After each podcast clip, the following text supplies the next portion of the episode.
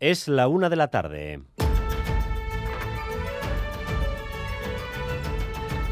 Crónica de Euskadi con Dani Álvarez.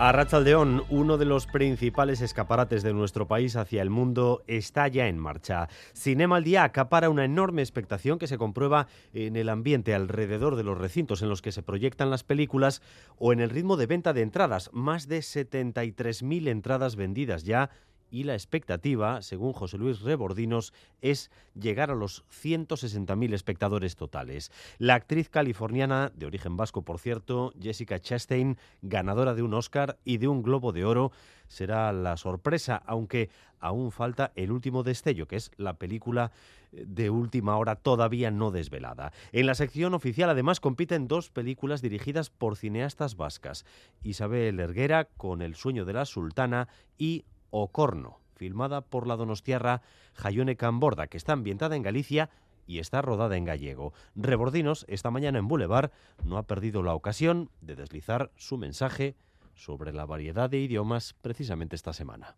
Cuando uno se deja de intereses partidistas, la vida sigue su camino. ¿no? España es un lugar, un país donde hay diferentes pueblos que hablan diferentes lenguas. ¿no? Entonces es normal que haya películas en catalán, en gallego.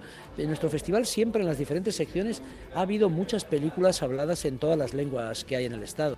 Visitamos enseguida el festival. Antes vivienda, junto al turismo masivo y la movilidad, es uno de los retos que deben encarar las sociedades de hoy en día. El consejero Iñaki Arriola ha anunciado en el Parlamento que aumenta los ingresos mínimos para poder acceder a una vivienda pública. En concreto, un 8,5% más, Miquel Saez. El objetivo de esta medida es evitar que se produzcan situaciones injustas como por ejemplo la de un demandante que ve aumentado su sueldo por debajo del IPC y que pese a poder perder poder adquisitivo rebase los límites de la normativa y no pueda acceder a una vivienda de VPO. Según la nueva norma, el límite de ingresos máximos para el demandante de una vivienda de alquiler social pasa de 25.000 a 27.124 euros para aquellos que opten al alquiler o compra de una VPO de régimen general, el tope sube de 39.000 a poco más de 43.300 euros. Esta mañana ha estado en Radio Euskadi por vez primera ante los medios de comunicación el director de la nueva agencia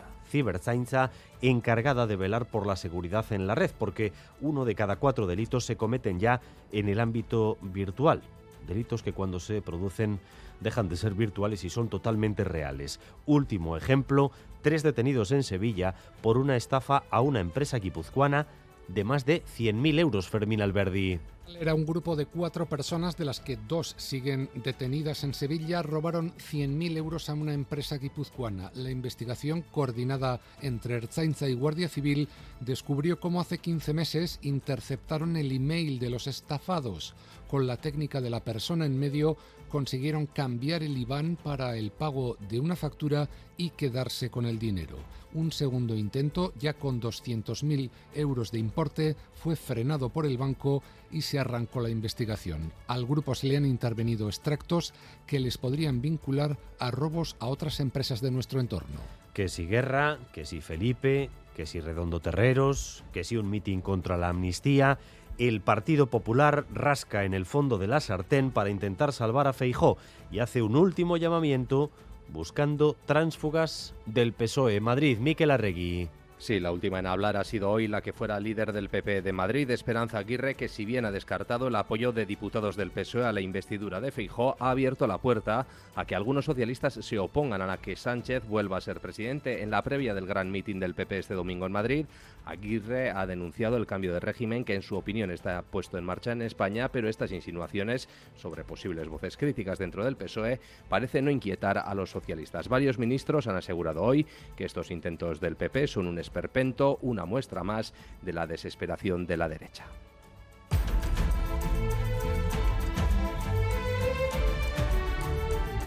En el Parlamento, el Lendakari ha anunciado que los últimos presupuestos de la legislatura serán los más ambiciosos de la historia, algo a lo que ayuda la recaudación en máximos de la que disponen las haciendas. También ha invitado en ese debate a Euskal Herria Bildu a pactarlos, eso sí, matizando que no hay para todo.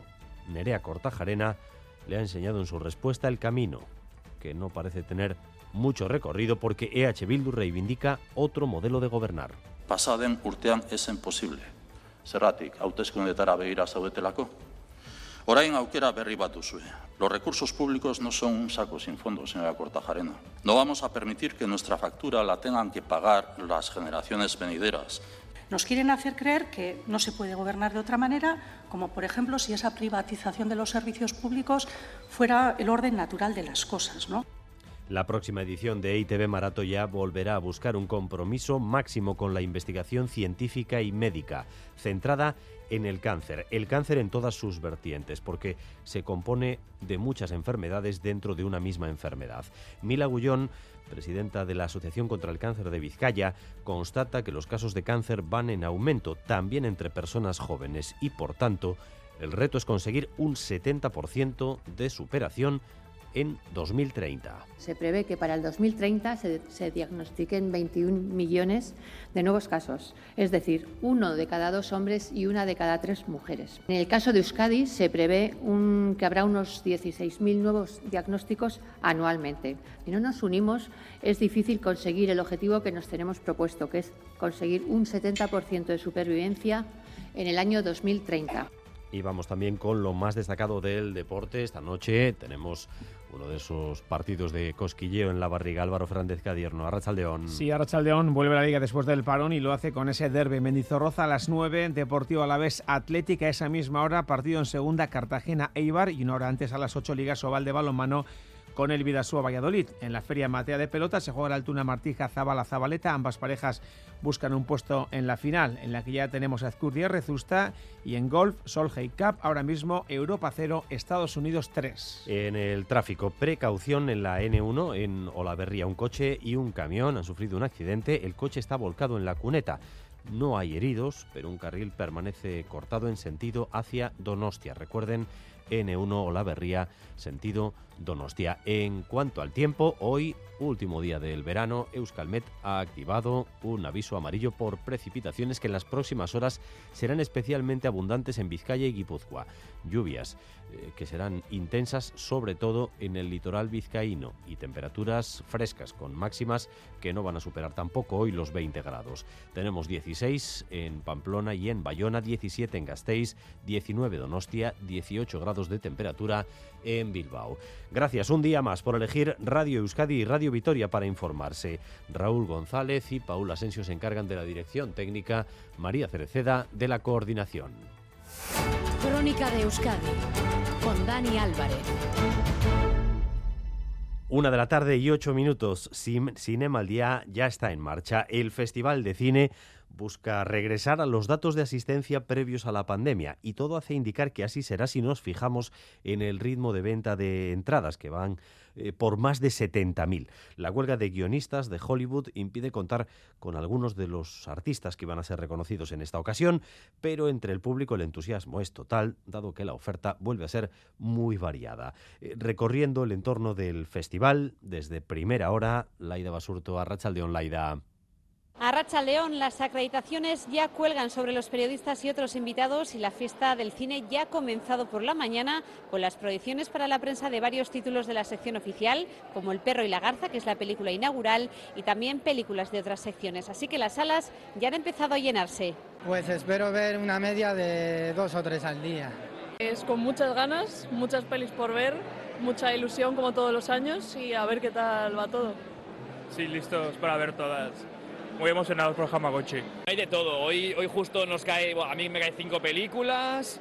O sea, aún queda, aún queda muchísimo festival. Eh, sobre todo, mira, yo tengo ganas de, de Cochet, de Un Amor, sobre todo, y la Sociedad de la Nieve hoy para Bayona. O sea, que con muchísimas ganas. La ciudad vestida de gala, con más de 1.800 metros cuadrados de alfombra roja frente a los edificios emblemáticos del festival. La alfombra cubierta aún de plástico. Ha llovido por la mañana, sigue lloviendo, que se descubrirá minutos antes de la gala inaugural que arranca a las ocho y media de la tarde. Por la alfombra roja pasarán los miembros del jurado oficial, presididos por Claes Denis, que llegará por la tarde, lo mismo que los directores Todd Haynes o Fernando Trueba.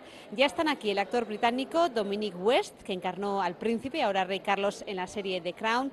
También el director Juan Antonio Bayona, cuyo último trabajo, La Sociedad de la Nieve, seleccionada para representar a España en los premios Oscar, se presentará esta tarde en la sección Perlac. 200 títulos conforman la amplia oferta de la 71 edición del Cinema al Día, que aunque no de manera oficial, ya ha arrancado y desde luego ambiente festivalero y encuentros no faltan aquí en los alrededores del Cursal. Laida Basurto desde San Sebastián. A primera hora ha estado con nosotros en Boulevard el director del festival, José Luis Rebordinos. Él mismo nos admitía que sin la huelga de Hollywood el nivel de glamour y de encanto de esta edición habría sido muy superior. Ahora bien, el nivel seguirá siendo muy elevado. Nos gusta que haya glamour, claro, porque al público le encanta, pero no es nuestro objetivo fundamental. Por ejemplo, Venecia es un festival con muchísimo glamour y que es parte intrínseca de su, de su ADN. En nuestro caso no, en nuestro caso el glamour es más un acompañamiento. ¿no? Por ejemplo, para nosotros son muy importantes los directores y van a estar aquí Jonathan Glazer, Todd Haynes, Mateo Garrone y decenas de ellos. Entonces, no es glamour, pero las películas vienen muy acompañadas.